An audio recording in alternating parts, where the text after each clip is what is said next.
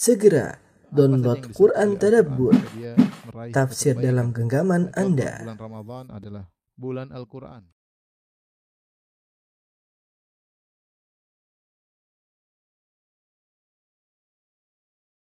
Bismillahirrahmanirrahim. Assalamualaikum warahmatullahi wabarakatuh. Alhamdulillahi ala ihsanihi wa syukru lahu ala taufiqihi wa amtinani. Asyhadu an la ilaha illallah wahdahu la syarika lahu ta'ziman li sya'nih wa asyhadu anna Muhammadan abduhu wa rasuluhu da'ila ridwani. Allahumma salli alaihi wa ala alihi wa ashabihi wa ikhwani. Uh, ikhwan dan akhwat yang dirahmati Allah Subhanahu wa taala, para jamaah yang dirahmati oleh Allah Subhanahu wa taala, kita melanjutkan bahasan kita tentang eh, dosa-dosa besar dari karya buku Al-Kabair, kitab Al-Kabair karya Al-Imam Ad-Dahabi Asy-Syafi'i rahimahullahu taala. Dan kita sampai pada Al-Kabirah Ats-Tsalitsah wal Arba'un yaitu dosa besar yang ke-43 yaitu qati'ur rahim adalah eh, pemutus silaturahmi ya. Kita tahu bahwasanya di antara ibadah yang sangat agung adalah ibadah menyambung silaturahmi. Dan dalam Al-Qur'an banyak sekali Allah Subhanahu wa taala menyuruh kita untuk menyambung silaturahmi, bahkan dia sebab utama untuk masuk surga. Ya. Ketika Allah menyebutkan tentang ciri-ciri penghuni surga di antaranya Allah berfirman, "Walladzina yasiluna ma amarallahu bihi ayyusal." dan orang-orang yang e, menyambung silaturahmi yang Allah perintahkan mereka untuk menyambungnya. Ya. Kemudian Allah sebutkan ya, ulaika lahum uqubad dar jannatu adnin yadkhulunaha wa man salaha min abaihim wa azwajihim wa dzurriyyatihim dalam surat Ar-Ra'd. Kata Allah Subhanahu wa taala di antara ciri-ciri penghuni surga adalah orang-orang yang menyambung silaturahmi yang Allah perintahkan untuk menyambungnya.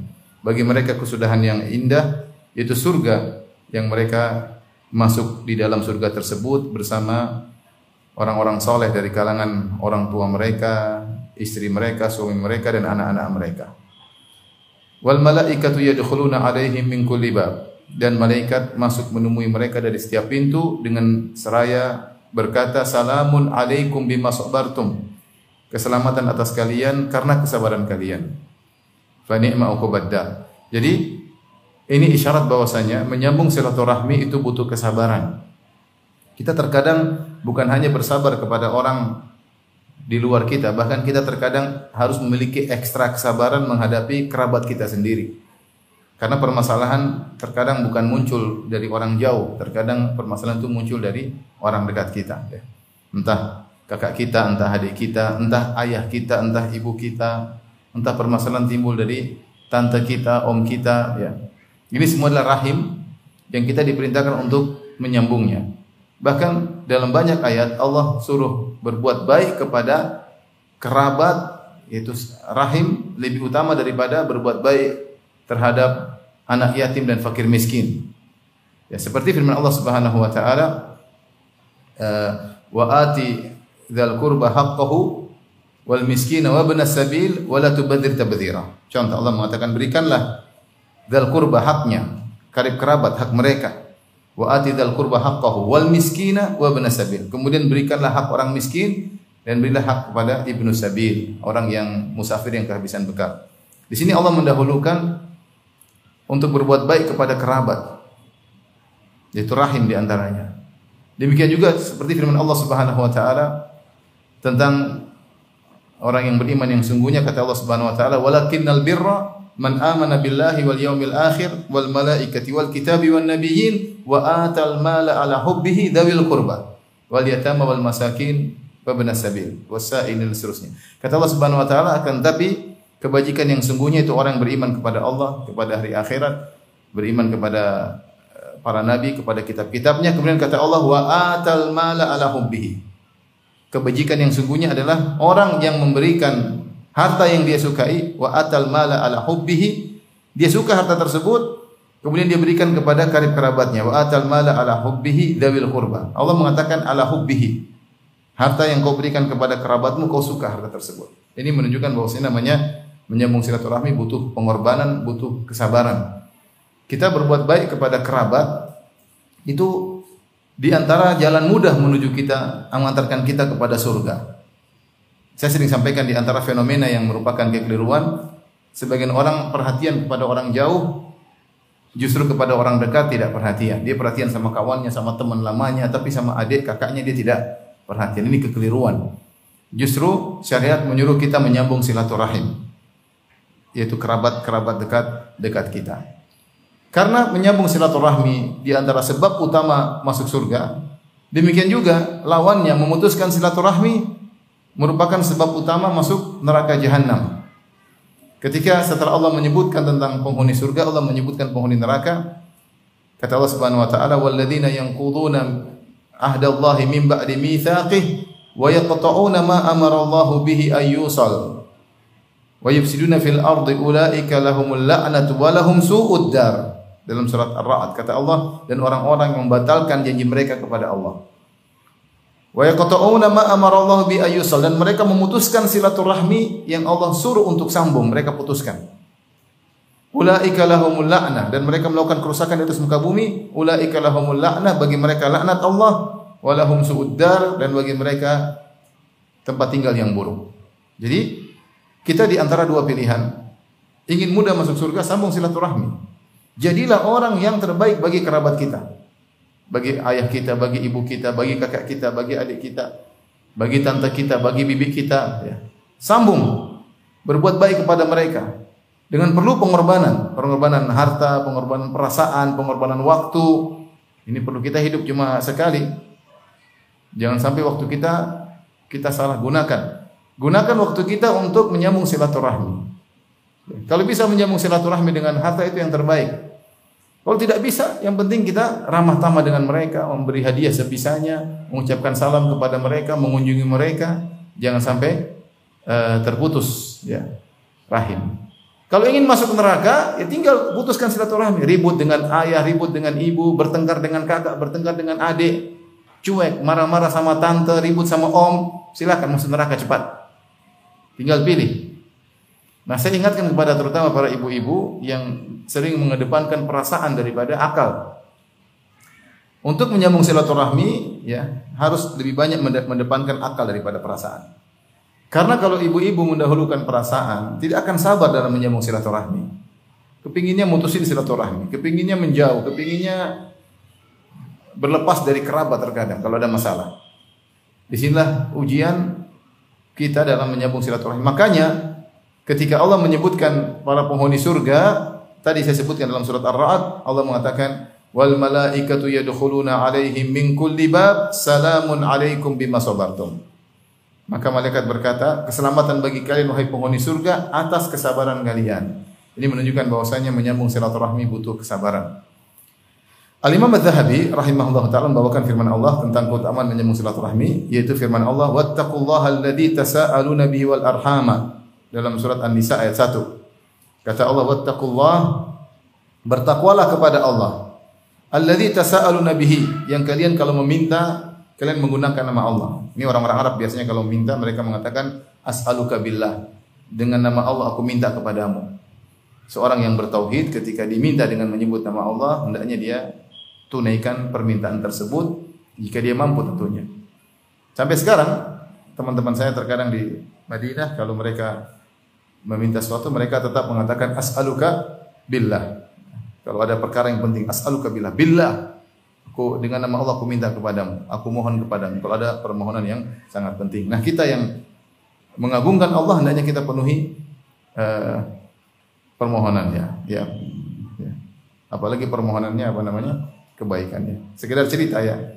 Saya punya teman di Madinah yang selalu sangat baik ya. Tentunya waktu saya mahasiswa dia kita pas-pasan dan dia orang yang berlebihan, orang Saudi.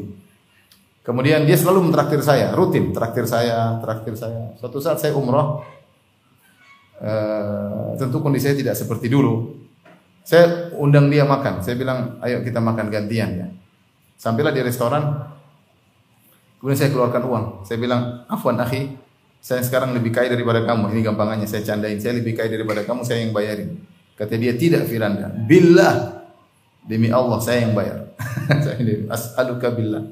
Demi Allah ya. Dengan menyebut nama Allah saya yang bayar. Kau tidak boleh bayar. Kata saya enggak apa-apa kalau begitu. Artinya ini contoh maksudnya mereka kalau punya permohonan yang kencang mereka sebut nama Allah. Ini yang Allah sebutkan wattaqullaha alladzi tasaaluna bihi. Bertakwalah kepada Allah yaitu yang kalian terkadang meminta dengan menyebut nama Allah. Namun di Indonesia kebiasaan itu tidak tidak berjalan. Ya, kita minta ya, saya mohon kepada engkau, saya mohon. Tapi kalau di orang-orang Arab, kalau mereka sudah punya permohonan yang berat, mereka sebut nama Allah. Mereka mengatakan billah, as'aluka billah. Ya. Dia, mereka nyebut nama Allah. Nah kalau kita disebut nama Allah, kita agungkan Allah, maka kita berhenti dan kita turuti kemauannya selama kita mampu melakukannya. Kemudian Allah mengatakan wal arhama. Perhatikan sini kalau surat An-Nisa perhatikan. Allah berfirman wattaqullah wattaqullaha alladzi tasaaluna bihi wal arham. Jadi kata Allah berfirman bertakwalah kepada Allah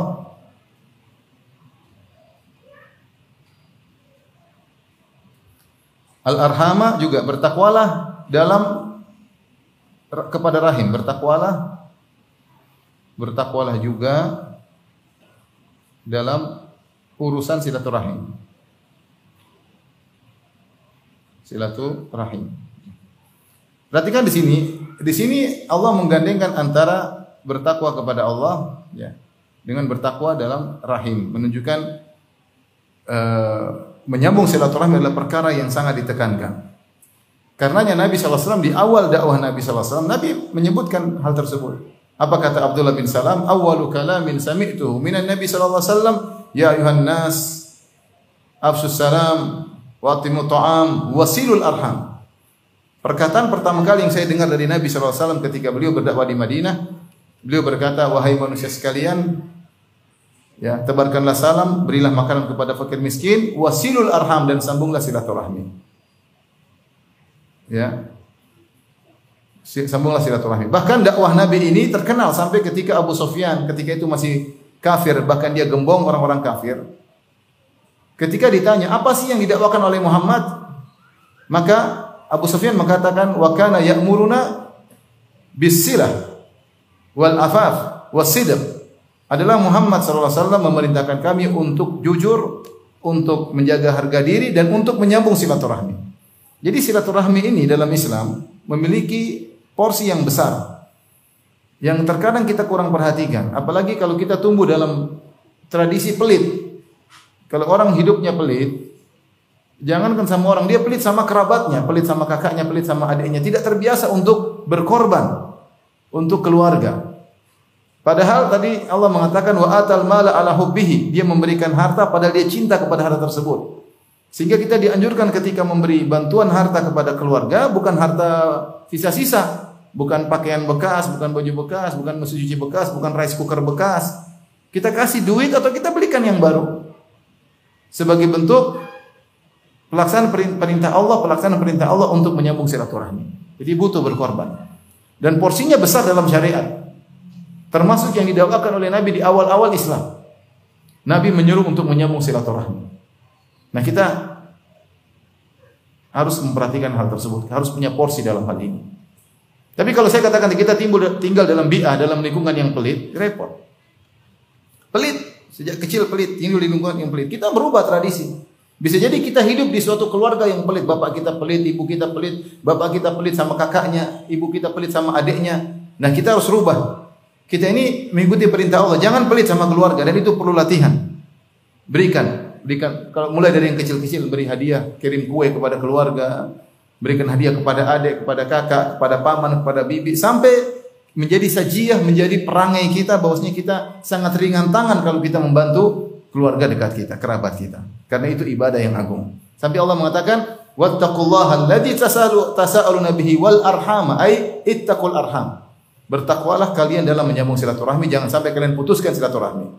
Jangan sampai kalian putuskan silaturahmi. Itu makna ayat dari surat An-Nisa ayat 1. Taib. Ayat berikutnya uh, Al-Imam Adz-Dzahabi menyebutkan ayat yang lain dalam surat Muhammad ayat 20 sampai 23. Fahal asaitum in tawallaitum an tufsidu fil ardi wa tuqatti'u arhamakum. Ulaika alladhina la'anahumullah fa asammahum wa a'ma absarahum. Yaitu kata Allah Subhanahu wa taala, dalam firman-Nya dan apakah jika kalian berkuasa ya kemudian kalian melakukan kerusakan di atas muka bumi dan kalian memutuskan silaturahmi ulaika alladzina la'anahumullah mereka itulah orang-orang dilaknat oleh Allah fa asammahum wa ama absarahum Allah menjadikan mereka tuli dan Allah menjadikan membutakan pandangan mereka ini apa namanya uh, hukuman berat bagi orang yang memutuskan silaturahmi Allah sebutkan orang melakukan kerusakan di atas muka bumi dan memutuskan silaturahmi apa hukumannya? Ulaika alladzina la'anahumullah. Mereka dilaknat oleh Allah Subhanahu wa taala. Selain dilaknat fa asammahum Allah menjadikan mereka tuli wa a'ma absarahum Allah jadikan mereka buta. Kalau orang sudah sering memutuskan silaturahmi, dia sulit memahami ayat-ayat, dia sulit mendengar ayat-ayat. Kenapa Allah tuli, jadikan telinganya tuli? Allah jadikan matanya buta ayat-ayat suka sulit untuk masuk ke dalam hatinya. Dia baca ayat, baca Quran tapi tidak, tidak masuk. Kenapa? Dia memutuskan silaturahmi. Tanpa dia sadari. Allah jadikan eh, butakan matanya, Allah jadikan telinganya tuli. Ini fenomena yang saya, saya katakan. Saya kenal seorang, baiknya luar biasa. Kalau saya ke rumahnya, Masya Allah dia servis luar biasa. Tapi kemudian saya tahu belakangan ternyata dia ribut sama adiknya. Kasihan. Akhirnya Lama tidak bersua, lama sampai dia telepon saya, Ustaz tolong hubungi adik saya. Saya bilang, ada apa ini orang ini? Ternyata dia sudah lama memutuskan silaturahmi dengan adiknya. Dia sayang sama adiknya, tapi egonya membuat dia tidak mau menelpon adiknya. Ini ego-ego seperti ini, merasa kakak, merasa saya yang benar, ini membuat kita masuk neraka. Waliyahzubillah. Ya. Kalau kalau Nabi SAW berbicara tentang dua orang yang bukan bersaudara, ya, kata Nabi SAW, la yahillu di muslimin an yahjura akhahu fawqa thalath. Tidak halal bagi seorang untuk memboikot saudaranya lebih dari tiga hari. Yaltaqiyani, keduanya bertemu, fayuridu hadha wa yuridu hadha. Yang satu berpaling melengos kanan, satu melengos ke kiri. Ya.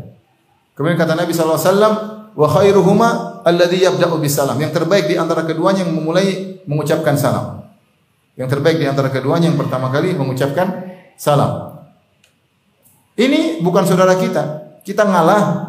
Meskipun kita yang benar, mungkin teman kita yang salah. Kita sudah diemin selama tiga hari. Saatnya kita hentikan itu semua. Jangan ikuti syaitan. Jangan ikuti hawa nafsu. Setan senang-senang kalau kita bermusuhan dengan saudara kita lebih dari tiga hari. Ibu-ibu terutama. Ya. Kalau udah ngambekkan sama temannya tiga hari, tiga bulan, tiga tahun, jangan. Sudah tiga hari saatnya kita menyelesaikan. Minimal kita ucapkan salam. Assalamualaikum warahmatullahi wabarakatuh. Uh, kalau kita bisa ya sudah kita minta maaf meskipun kita yang benar. Kita mengalah demi akhirat kita. Kita mengalah demi derajat kita dinaikkan.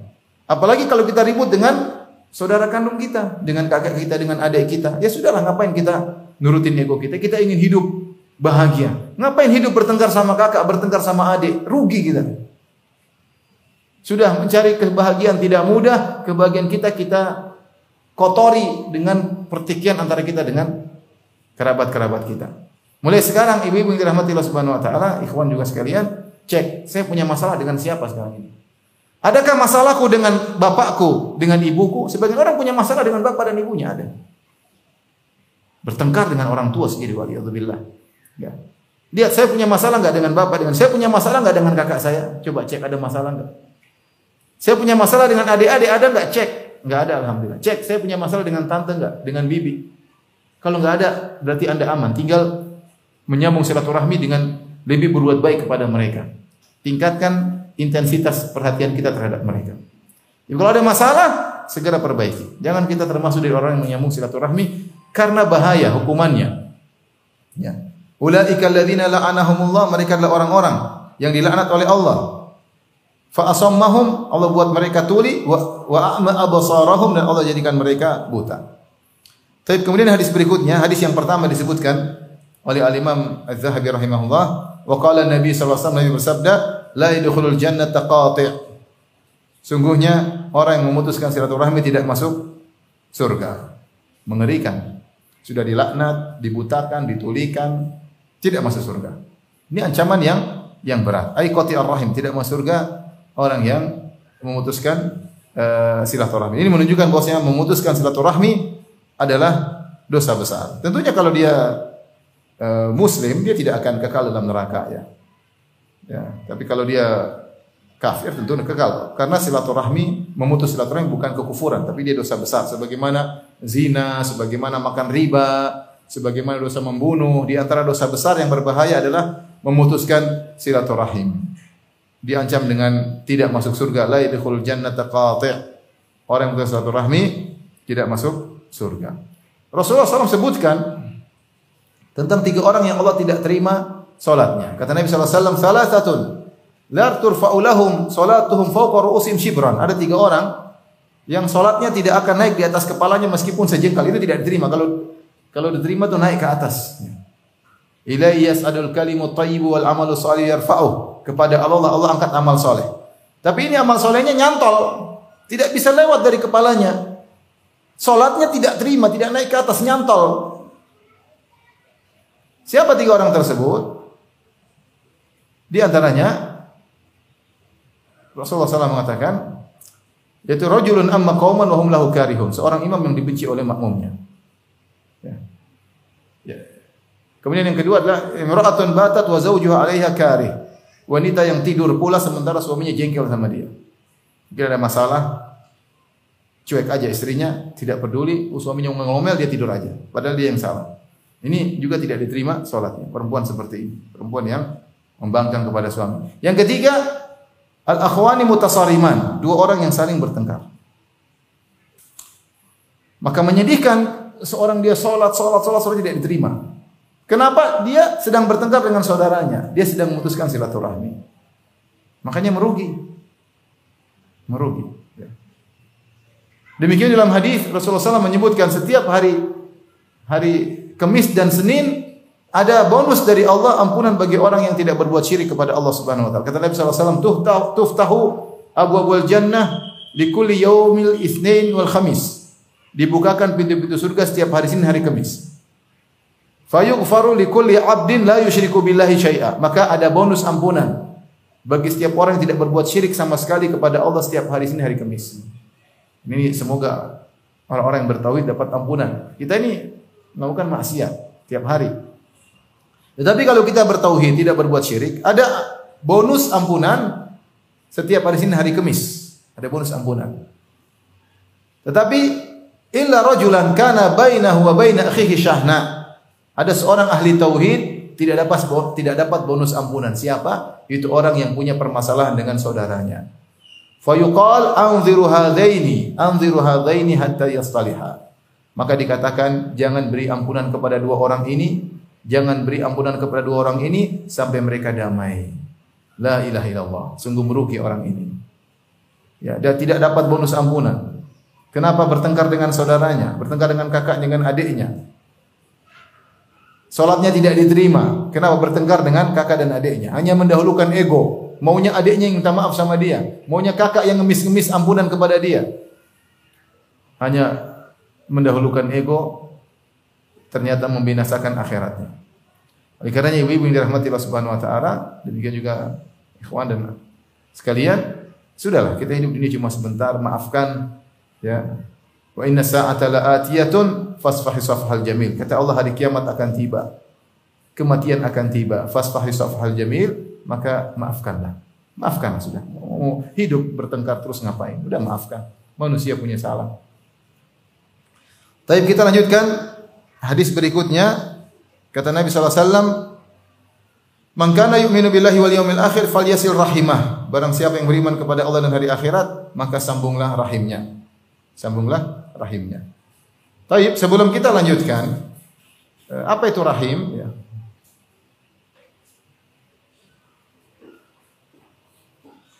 Ar-rahim Rahimnya dari, dari rahimul mar'ah dari maknanya rahim wanita rahim wanita. Siapa rahim kita ada khilaf di kalangan para ulama, tapi semakin dekat kekerabatan kita maka semakin kuat tali rahimnya dan itu semakin buat kita perhatian terhadap mereka. Saya boleh kalau boleh saya katakan ring satu yang harus kita perhatikan ya. Misalnya eh, seseorang di sini ya.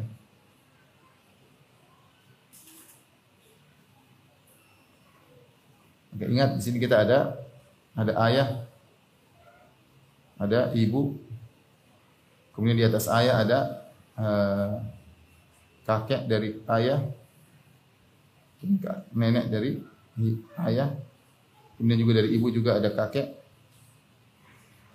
ada nenek. Ya.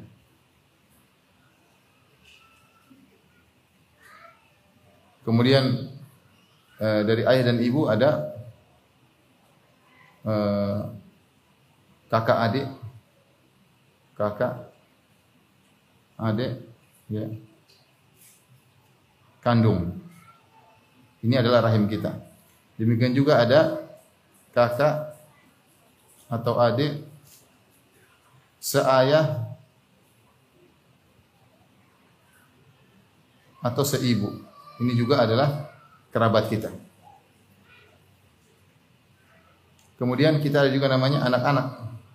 Anak-anak. Kemudian kakak dan ini punya anak juga, ini namanya sepupu. Eh bukan sepupu, apa keponakan. Ya. Ayah dan ibu ada namanya eh, paman atau tante. Jadi ibu juga demikian. Ada om, bibit misalnya. Bude aja. Inilah eh, ini juga ada keponakan di sini. Ponakan.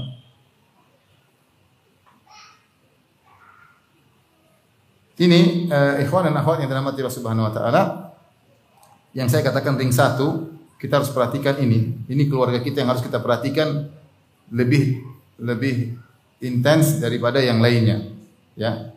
Ayah, ibu, kakek nenek dari ayah dan ibu, paman, tante dari ayah, saudara ayah, saudara ibu maksudnya om dan bibi, kakak adik, kandung, kakak adik, seayah, seibu, ponakan, anak-anak ya. Kita cek semua. Kita cek semua orang-orang ini sudah kita sambung atau tidak. Ada ring 2 dan ring 3 itu belakangan ya. Ring 2 ya. Dua misalnya, misalnya Pak sepupu ya. Ini belakangan ya. Ini nomor ring 2 bukan ring 1. Kemudian misalnya uh, apa namanya? Uh, om dari jalur yang lain ya banyak ya. Jadi ring 2 kerabat banyak. Seperti saya punya om, ada om langsung, ada saya punya tante langsung dari saudara bapak langsung ada. Saya punya om juga dari sepupunya bapak. Misalnya sepupu bapak, sepupu kita, sepupu bapak.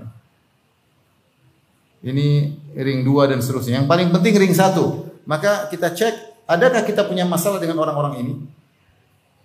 Kalau kita nggak punya masalah berarti alhamdulillah kita berarti tinggal kita lebih berbuat baik, telepon mereka, beri hadiah kepada mereka, tanya kabar-kabar mereka. Ketika Idul Fitri, Idul Adha kita bisa ketemu mereka, itu yang terbaik. Ya. Ring 2 kalau bisa alhamdulillah, kalau enggak enggak apa yang penting ring 1 yang paling utama. Tapi Nabi berkata, "Man kana yu'minu billahi wal yawmil akhir falyasir rahimah." Siapa yang beriman kepada Allah dan hari akhirat, maka sambunglah silaturahmi. Dan sering Nabi menyampaikan barang siapa beriman kepada Allah dan hari akhirat berkaitan dengan perkara yang sulit dilakukan, butuh keimanan yang tinggi. Contoh, kata Nabi, "Man kana yu'minu billahi wal akhir falyakul khairan aw liyasmut." Siapa beriman kepada Allah dan hari akhirat, omong yang baik atau diam. Sulit orang milih kata-kata. Tidak berkata kecuali yang baik-baik, tidak mungkin bisa dilakukan kecuali orang yang beriman kepada hari pembalasan. Sekarang lihat orang ngomong seenaknya, komentar seenaknya, nuduh seenaknya, buat kebohongan seenaknya karena dia iman kepada hari akhirat kurang. Kalau dia beriman ada hari pembalasan, dia pasti ngomong tidak sembarang. Tidak asal menuduh, tidak asal komentar. Nabi juga berkata, "Man kana yu'minu billahi wal yawmil akhir falyukrim dhaifahu. Siapa yang beriman kepada Allah dan hari akhirat, hendaknya dia muliakan, muliakan tamunya. Muliakan tamu butuh perjuangan, butuh biaya, butuh duit. Tamu datang di servis dengan baik hari pertama, hari kedua, hari ketiga, maka Nabi mengatakan hendaknya beriman kepada Allah dan hari akhirat. Kalau beriman kepada hari pembalasan, dia tidak ragu-ragu untuk menjamu tamu karena dia yakin akan dibalas oleh Allah Subhanahu wa taala.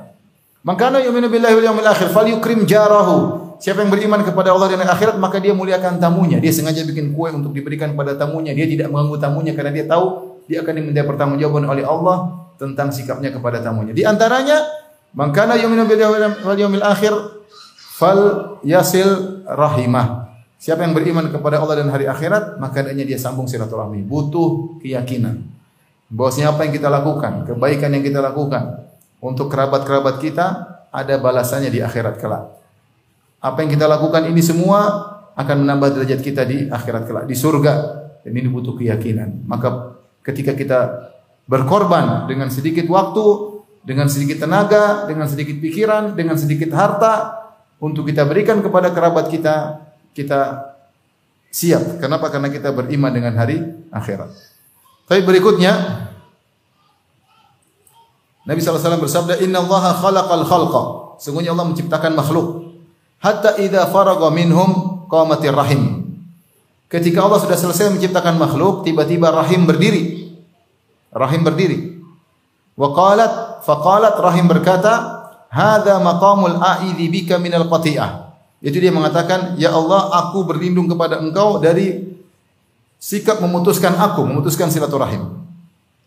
Allah berkata, "Na'am, aku akan melindungimu. Amma tardaina an asila man wasalaki?"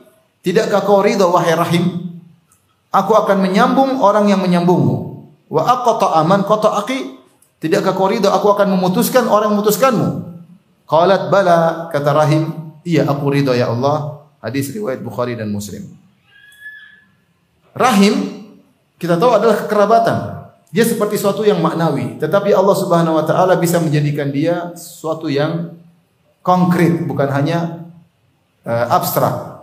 Dan ini dalam banyak dalam Eh, dalam apa namanya? Dalam dalil-dalil contoh seperti Allah Subhanahu wa taala menjadikan kematian di hari kiamat kelak dalam bentuk domba. Kemudian Allah sembelih di antara uh, penghuni surga dan penghuni neraka untuk menunjukkan mereka akan kekal karena kematian disembelih. Padahal namanya kematian kita tahu suatu yang maknawi, suatu yang abstrak.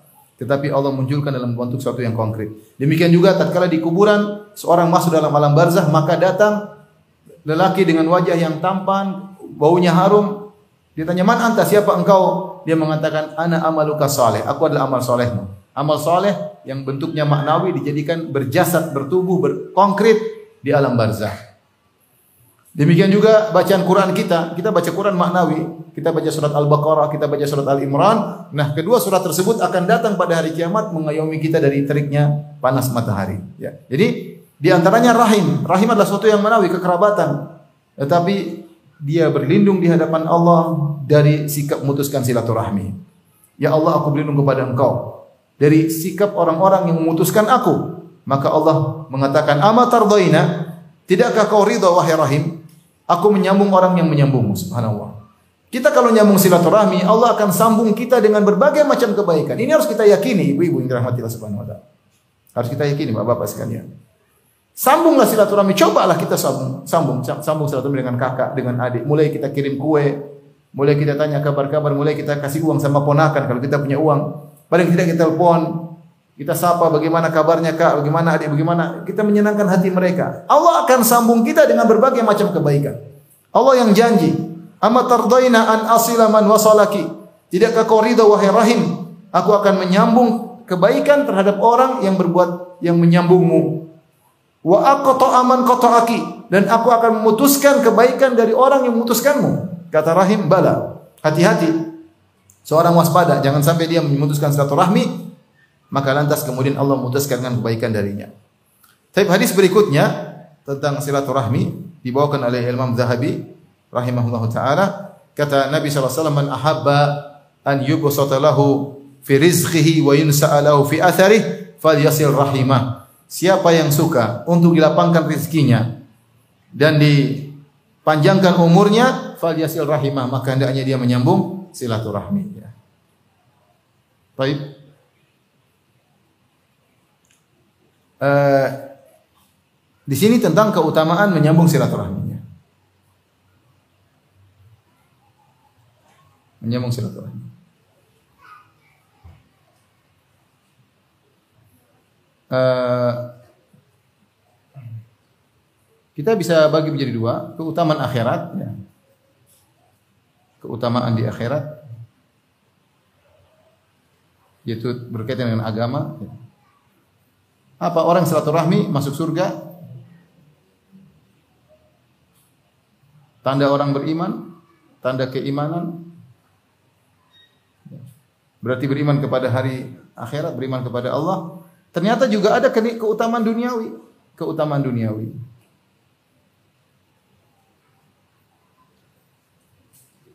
keutamaan duniawi. Apa keutamaan duniawi tersebut? Di antaranya adalah Allah menyambung dengan kebaikan. Allah memberikan kebaikan kepada secara umum.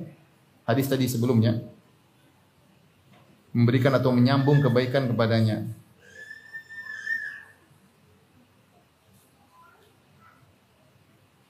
Orang kadang-kadang mikir, Ustaz saya hidup susah, coba sambung silaturahmi. Allah akan kasih banyak kebaikan. Di antaranya adalah dilapangkan rezeki. Di antaranya adalah dipanjangkan umur.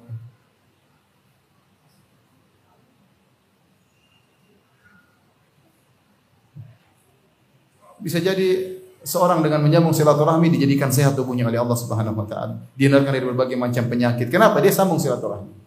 Dia sambung silaturahmi. Ini adalah kita Allah bukan hanya menjanjikan kenikmatan akhirat, bahkan Allah juga menjanjikan kenikmatan duniawi. Ini di antara sarana untuk meraih dunia adalah dengan menyambung silaturahmi. Siapa yang ingin dilapangkan rezekinya? Kita semua ingin menjadi orang kaya. Ya, ya ingin harta lapang. Makanya kerja setengah mati kita ingin harta lapang. Terkadang kita menempuh sebab-sebab duniawi, sebab-sebab materi. Kita lupa di sana ada sebab ukhrawi yang memudahkan kita untuk dilapangkan rezekinya. Di antaranya sambung silaturahmi. Kalau kita punya harta, kasih sama orang tua, jangan perhitungan. Yang penting anak istri sudah aman ya. Anak-anak sudah nyaman sekolahnya, sudah gemuk-gemuk, istri sudah gemuk selesai ya. Tinggal orang tua sudah Kasih uang banyak-banyak sama orang. Jangan perhitungan sama orang tua. Kasih ayah, kasih ibu. Ya.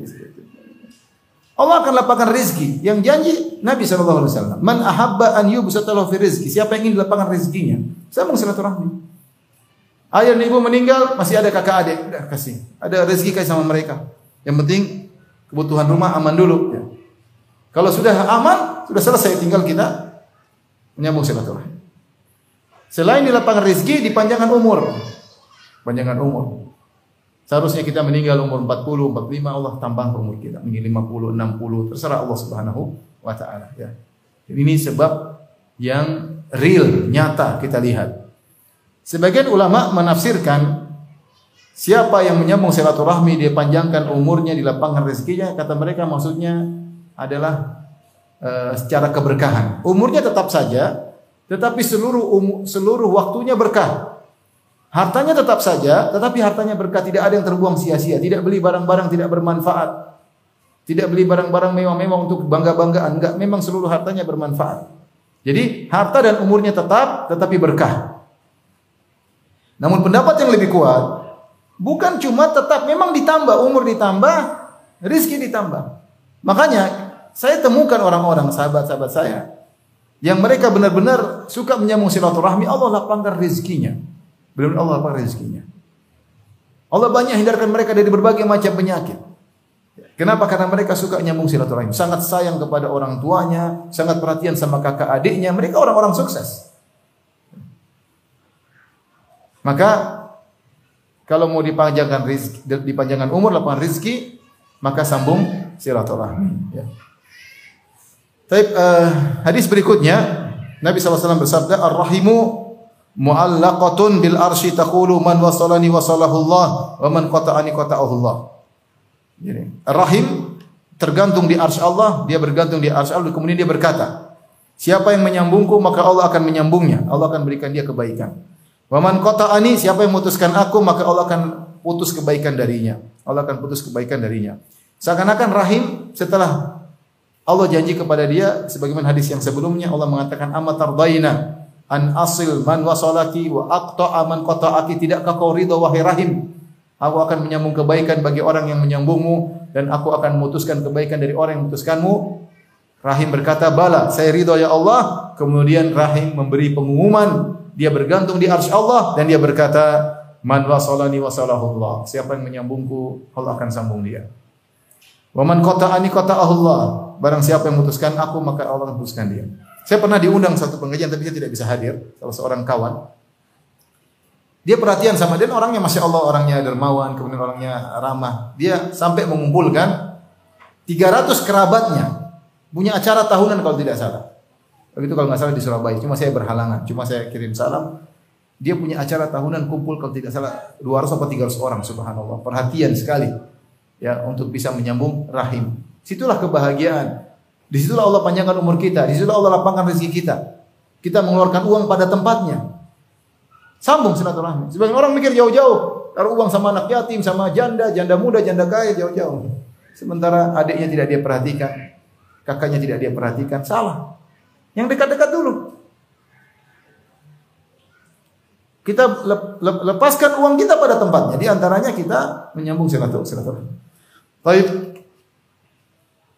Dalam lafal yang lain, Yaqulullah Allah berkata man wasalaha wasaltuhu. Allah menyambut Allah berkata siapa yang menyambung rahim aku akan menyambung kebaikan baginya. Wa man qata'aha batattuhu. Siapa yang memutuskan maka aku akan putuskan kebaikan darinya. Kemudian juga wa qala Allah taala al-Imam Az-Zahabi membawakan ayat yang lain walladzina yanquduna ahdallahi min ba'di mitsaqi wa yaqta'una ma amara Allah bihi ayyusal wa yufsiduna fil ardi ulaika lahumul la'natu wa lahum su'ud dar. Di antara ayat yang lain yang menunjukkan bahayanya memutuskan silaturahmi itu dalam surat Ar-Ra'd ayat 25. Kata Allah dan orang-orang yang membatalkan janji Allah dan orang-orang yang memutuskan silaturahmi dan melakukan kerusakan di atas muka bumi. Bagi mereka adalah laknat Allah dan bagi mereka adalah tempat tinggal yang buruk. Ini ancaman sebagaimana sudah lalu orang yang silaturahmi dilaknat oleh Allah Subhanahu wa taala. Kemudian Imam Zahabi membawakan hadis yang lain. Waqala Muhammad bin Amr an Abi Salamah an Abi Hurairah radhiyallahu anhu anna Nabi sallallahu alaihi wasallam qaal yaqulullahu taala kata Nabi sallallahu alaihi wasallam Allah berfirman Anar Rahman wa rahim. Aku adalah Ar-Rahman dan dia Ar-Rahim. Artinya Rahman dan Rahim diambil dari satu kata yang sama yaitu dari rahmah dari kata rahmat kasih sayang. Man wasalaha wasaltuhu siapa yang menyambung rahim aku akan menyambung kebaikan baginya. Wa man qata'aha qata'tuhu siapa yang memutuskan silaturahmi maka aku akan memutuskan kebaikan darinya. Fanaqul Imam Dhahabi Imam Dhahabi berkata maka kami berkata man qata'a rahimahu al fuqara wa huwa ghaniyun fa huwa muradun wala bud Siapa yang memutuskan silaturahim dari kerabat-kerabatnya yang miskin padahal dia kaya, maka dialah orang yang termasuk dalam hadis ini. Wa man qata'ahum bil jafa wal ihmal wal, wal hamaq. Demikian juga orang wakada orang yang memutuskan silaturahmi dengan kerabatnya dengan sikap kasarnya, dengan tidak memperdulikan, dengan kebodohan. Termasuk dalam hadis ini yaitu Allah akan putuskan dia. Jadi Imam Dhabi mengingatkan terkadang seorang kaya Ternyata dia punya kerabat miskin-miskin. Dia cuekin, tidak dia telepon, tidak dia uh, kunjungi. Ini memutuskan. Dengan sikap yang kaku, jafa, itu sudah bentuk memutuskan silaturahmi kata Imam Dahabi. Jadi, memutuskan silaturahmi menurut Imam Dahabi bukan berarti kita harus bertengkar, tidak harus bertengkar. Jangan disangka memutuskan silaturahmi itu cukup dengan bertengkar baru dikatakan memutuskan silaturahmi. Tidak. Kata beliau, kalau kamu kaya dan kamu punya kerabat yang miskin, kamu cuekin, itu memutuskan silaturahmi. Kamu cuekin, tidak kamu pedulikan, kamu sikapnya kaku dengan mereka, itu namanya memutuskan silaturahmi. Harusnya kamu cari tahu tentang kondisi mereka. Harusnya kamu berikan bantuan kepada mereka, itu rahimmu, kerabatmu. Bertakwa kepada Allah dalam menyambung silaturahmi. Nabi SAW bersabda, Bulu arhamakum walau bisalam. Kata Nabi SAW, basahilah rahimmu meskipun hanya dengan salam. Uh, karena para ulama mengatakan Qati atau rahim, memutuskan silaturahmi itu suatu di, di, di, diibaratkan dengan suatu yang panas, memutuskan silaturahmi suatu yang panas. Menyambung silaturahmi diibaratkan dengan suatu yang basah, yang menyegarkan, yang menyambung. Makanya syariat menggunakan istilah Nabi SAW menggunakan istilah bulu basahi rahim kalian. Maksudnya berbuat baiklah kepada mereka, jangan sampai kalian memutuskan silaturahmi sehingga timbul hal yang panas antara kalian dengan dengan mereka. Walau bisalam meskipun dengan salam. Ini isyarat bahwasanya jika seorang tidak mampu untuk menyambung silaturahmi dengan harta, paling tidak dengan sapaan, dengan ucapkan salam, dengan menyapa, dengan kunjungan. Karena makna dari menyambung silaturahmi adalah berbuat baik kepada kerabat. Dengan cara apa pun. Kalau bisa dengan harta itu yang terbaik. Ya, kalau bisa dengan harta karena namanya harta punya pengaruh yang luar biasa. Kalau tidak bisa dengan harta, maka dengan kunjungan, maka dengan uh, sapaan dan yang lainnya. Baik, kita lanjutkan Dosa besar yang berikutnya al-kabiratu ar-rabi'ah wal arbaun. Dosa besar yang ke 44. Al-musawwir fi thiyab wal hitan wa nahwi dhalik. Orang yang membuat lukisan maksudnya lukisan makhluk hidup di baju, di kain maupun di dinding dan yang semisalnya. Dan yang semisalnya itu lukisan yang untuk diperhatikan, yang untuk dihormati, untuk dimuliakan. Di baju misalnya ya. Ah, Beda, beda dengan kalau di keset ya. Di keset, di keset kamar mandi misalnya itu namanya tidak dimuliakan. Ini uh, beliau berbicara tentang lukisan yang dilakukan atau dibuat di lukisan makhluk hidup maksudnya yaitu di baju, di dinding yang untuk dimuliakan dan yang semisalnya. Ini termasuk dosa besar. Kalau Nabi SAW kata Az-Zahabi berkata Nabi SAW man sawwara suratan siapa yang membuat suatu gambar atau patung ya surah ini surah itu mencakup dua dimensi dan tiga dimensi. Di sini eh, apa namanya Al Imam Zahabi memfokuskan dua dimensi. Kalau dua dimensi saja sudah dosa besar, apalagi tiga dimensi lebih utama. Tiga dimensi maksudnya patung, dua dimensi maksudnya lukisan.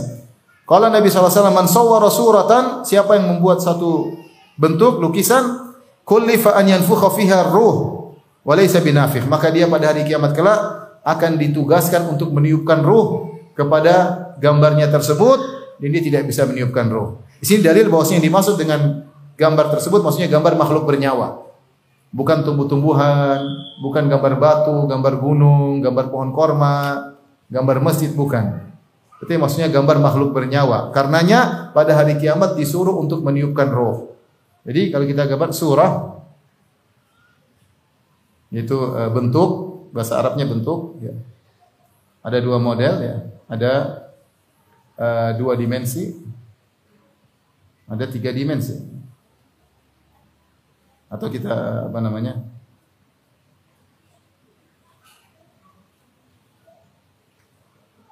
kita bagi uh, menjadi uh, makhluk bernyawa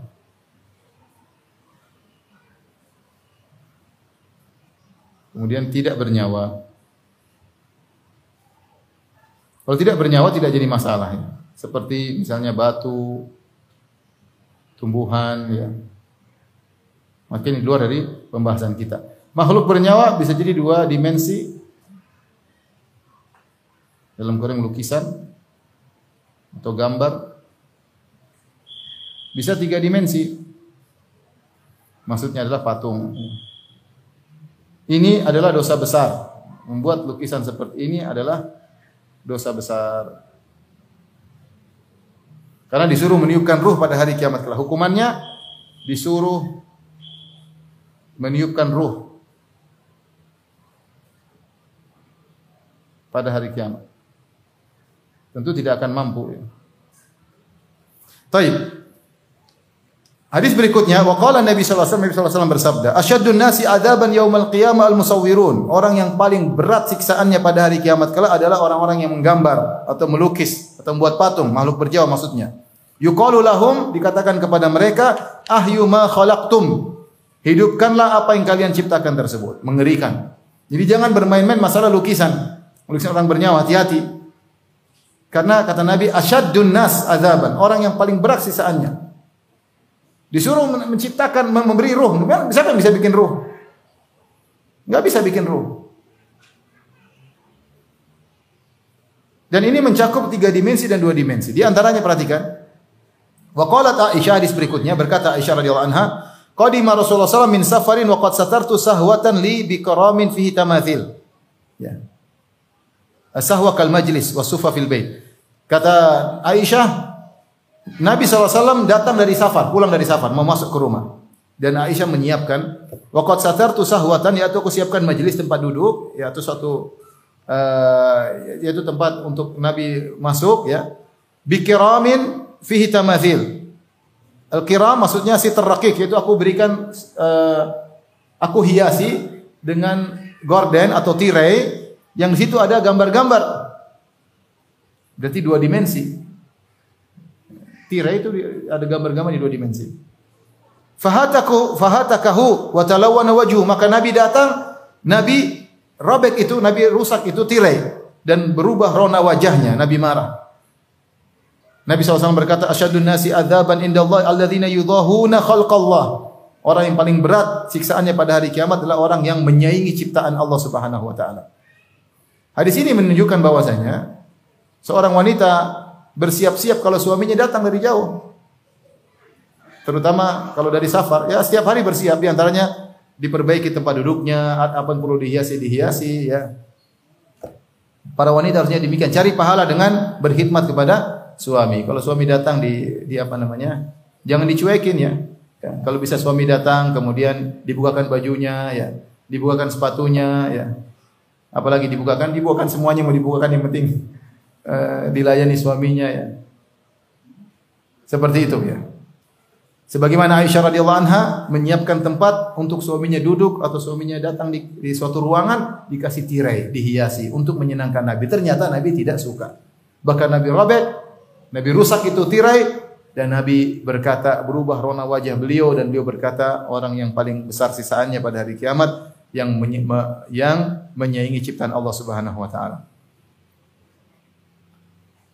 Taib. Berikutnya, hadis berikutnya, ini hadis menunjukkan bahwasanya di antara uh, hikmah dilarangnya menggambar atau membuat lukisan karena menyaingi ciptaan Allah mencipta, Allah menciptakan manusia, Allah menciptakan hewan. Allah tidak suka kamu ikut-ikutan. Jangan ikut-ikutan mencipta-mencipta, membuat-buat gambar enggak. Itu itu hak Allah. Allah nggak suka ada orang mulai gambar-gambar manusia, gambar-gambar hewan, mau niru-niru. Allah tidak suka. Makanya kamu disuruh kalau kamu gambar seperti itu, kamu disuruh meniupkan roh pada hari kiamat dan kamu tidak bakalan mampu. Uh, kemudian dalam hadis yang lain di Sunan dalam Sunan kata Az-Zahabi bisnadin jayyid dengan sanad yang baik. Yakhruju unuqun ya minan nar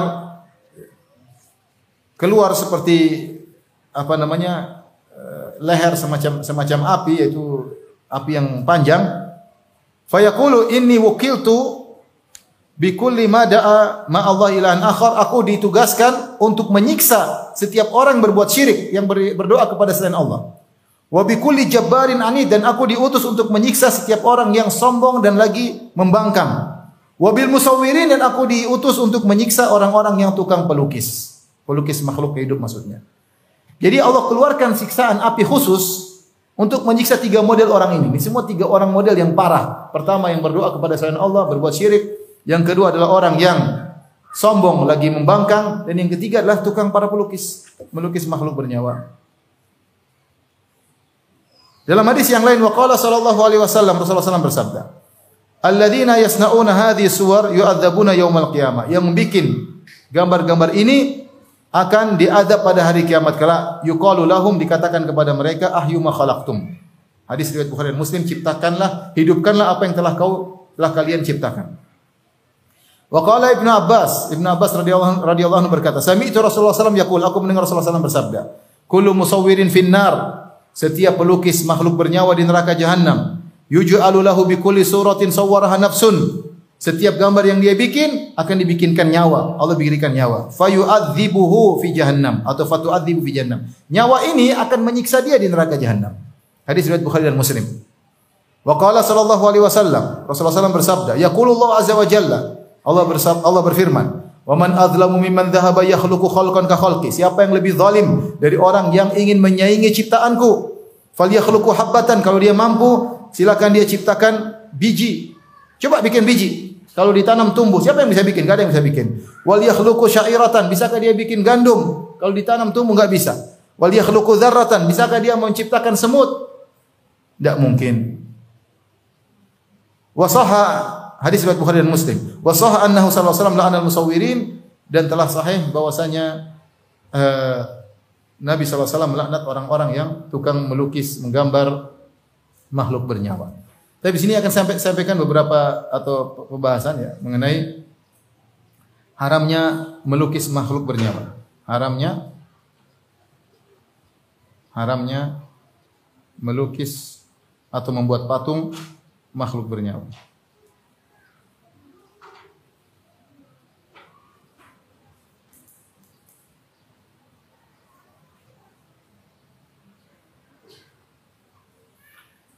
Uh, ilahnya banyak ya, sebabnya sebab pengharaman banyak. Saya katakan sebab utama, perhatikan ya, sebab utama. Ini yang paling utama. karena itu makhluk bernyawa. Karena itu makhluk bernyawa. Allah tidak suka bernyawa. Karenanya di, di neraka disuruh meniupkan roh. Untuk meniupkan roh. Ini sebab utama. Yang berikutnya sebab yang lain sebab-sebab yang lain bukan utama. Yang utama ini karena kita dapat kita baca hadis-hadis rata-rata siapa yang bikin makhluk bernyawa maka diadab. Selalu masalahnya mengenai makhluk bernyawa. Jadi sebab utama karena kamu bikin makhluk bernyawa. Sebab-sebab lain pengharaman para ulama mengatakan di antaranya adalah wasilah untuk berbuat syirik, wasilah pada kesyirikan. Karena patung-patung, kemudian gambar-gambar syekh-syekh lama-lama disembah, lama-lama di ini lama-lama diagungkan, wasilah kesyirikan. Di antaranya adalah menyaingi ya, menyaingi uh, ciptaan Allah. Ini di antaranya. Di antaranya adalah malaikat tidak masuk. Malaikat tidak masuk dalam rumah yang ada gambarnya. Ada gambar makhluk bernyawa.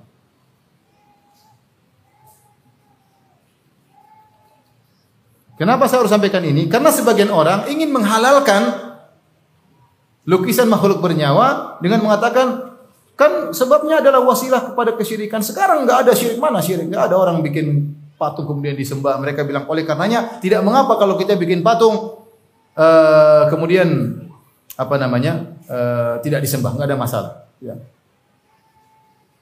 Ini ini adalah pemahaman yang salah ya. Karena diharamkannya menggambar bukan karena itu syirik, bukan, tapi itu wasilah. Wasilah kepada kesyirikan. Dan sekarang masih banyak orang menyembah-menyembah foto, menyembah-menyembah gambar, menyembah-menyembah patung masih banyak. Seubruk-ubruk di dunia ini orang menyembah patung. Masih banyak ya. Jadi yang diharamkan bukan karena patung disembah, karena itu sarana untuk pada kesyirikan. Kemudian juga di antara sebab yang lain juga karena bertasyabuh dengan para penyembah berhala.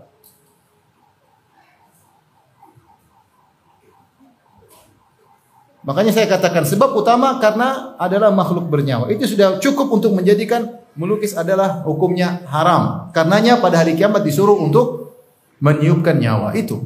Dan juga menyaingi ciptaan Allah ini juga di antara sebab yang yang utama juga. Tapi intinya kapan Anda bikin makhluk bernyawa Anda akan disuruh meniupkan uh, apa namanya? meniupkan ruh pada patung atau gambar gambar tersebut. Seandainya ada sebab-sebab yang lain tidak terpenuhi, masih ada sebab utama ini ini tetap menjadikan haram. Taruhlah bukan wasilah kesyirikan.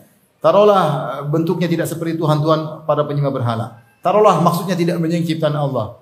Taruhlah tapi ada sebab utama yaitu kamu bikin makhluk bernyawa. Ya. Jadi lukisan hukumnya haram, apalagi patung hukumnya haram. Ya. Ya, hukumnya haram. Makanya Nabi SAW mengatakan kepada Ali bin Abi Thalib, Allah tada timsalan ila tamas tahu. Jangan kau dapati satu patung kecuali kecuali kau hancurkan. Patung mana saja. Wala qabran musyrifan illa sawaitahu dan tidak ada uh, kuburan yang tinggi kecuali kau ratakan. Dalil bahwasanya membuat patung hukumnya haram. Taib. Di antara mereka ada yang menghalalkan membuat patung dengan berdalil kisah Nabi Sulaiman. Ini syubhat ya. Syubhat. Saya tutup pengajian kita dengan ini syubhat. Nabi Sulaiman alaihissalam dibuatkan patung oleh jin-jin. Dalam firman Allah Subhanahu wa taala, "Ya'maluna lahu ma yasha'u ma yasha'u min min maharib wa tamathil wa jifan qudur rasiyat dan seterusnya. Yaitu para jin membuat bagi Nabi Sulaiman tamathil patung-patung. Mihrab-mihrab dan patung-patung jin-jin kerja. Nah, perhatikan, apa sih dalilnya? Dalilnya kalau patung haram, harusnya zaman Nabi Sulaiman patung juga haram. Bagaimana bantahannya? Bantahannya yang mudah bahwasanya pertama itu syariat di zaman Nabi Sulaiman.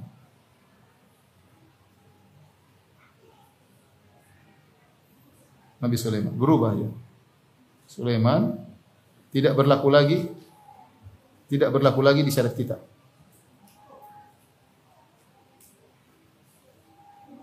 Kalau ada yang berkata, Ustaz, apakah kesyirikan diharamkan, di, dibolehkan di zaman Nabi Sulaiman? Bikin patung bukan syirik. Ingat, patung itu bukan disembah. Jelas Nabi Sulaiman tidak menyuruh membuat uh, patung untuk disembah. Tidak, ini hiasan-hiasan saja. Ya, hiasan-hiasan saja. Ya, di zaman Nabi Nabi Sulaiman pernah boleh, zaman sekarang tidak boleh. Bantahan yang kedua, patung-patung tersebut tidak disebutkan sebagai makhluk bernyawa, disebutkan sebagai patung bernyawa, patung makhluk bernyawa. Enggak ada dalilnya. Allah hanya menyebutkan patung-patung, bisa jadi patung tidak bernyawa, bisa jadi patung tumbuhan, bisa jadi patung apa, belum tentu patung makhluk ber, bernyawa. Jadi itu dibolehkan, syariat kita pun membolehkan, enggak ada masalah. Ya. Ini kemudian juga seandainya itu patung bernyawa, itu pun khusus buat Nabi Sulaiman. Buat Nabi Sulaiman. Ya. Alaihissalam ya. ya. Nabi punya khususan ya. Dibuat patung karena jin-jin bekerja untuk Nabi Sulaiman. Sebagaimana khusus bagi Nabi Isa, Nabi Isa alaihissalam membuat patung membuat patung dari tembikar dari tanah liat menjadi uh, menjadi burung kemudian ditiupkan. Boleh, khusus buat Nabi. Makanya ya'maluna lahu. Mereka jin-jin bekerja untuk Nabi Sulaiman ya. Jadi tidak bisa dijadikan dalil terlalu banyak dalil-dalil menunjukkan bahwasanya membuat makhluk patung makhluk bernyawa hukumnya haram ya e, disebut oleh Nabi SAW dalam banyak dalil ini ijma ulama ijma ulama namun kita dapati sebagian orang menggampang-gampangkan ya kemudian mendatangkan syubhat untuk membolehkan bikin patung seenaknya dan ini sangat rawan karena uh, apa namanya uh, orang yang paling besar azabnya di antaranya yang buat patung Demikian ibu-ibu yang dirahmati Allah Subhanahu wa taala kajian kita insyaallah kita lanjutkan bulan depan. Wabillahi taufiq wal hidayah. Assalamualaikum warahmatullahi wabarakatuh.